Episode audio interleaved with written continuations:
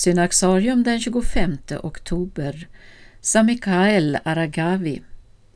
Idag firar den etiopiska kyrkan Abuna Samikael Aragavi, en av de nio heliga syrier som kom till Etiopien från Mellanöstern på 500-talet och förnyade kristendomen i landet.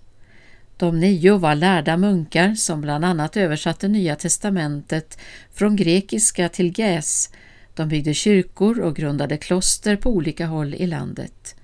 Samtliga nio har fått sina minnesdagar i den etiopiska kalendern.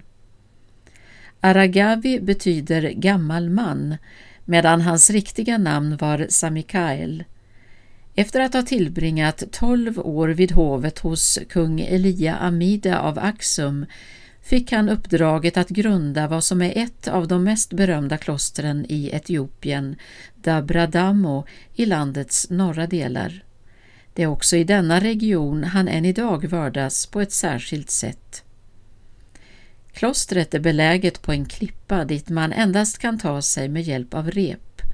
Enligt en gammal legend sände Gud en stor orm som lyfte upp Aragavi på klippan medan ärkeängeln Mikael höll vakt, något som ofta framställs på ikoner där han är avbildad. I det gamla Etiopien vördades ormen, vilket upphörde i och med kristendomens ankomst.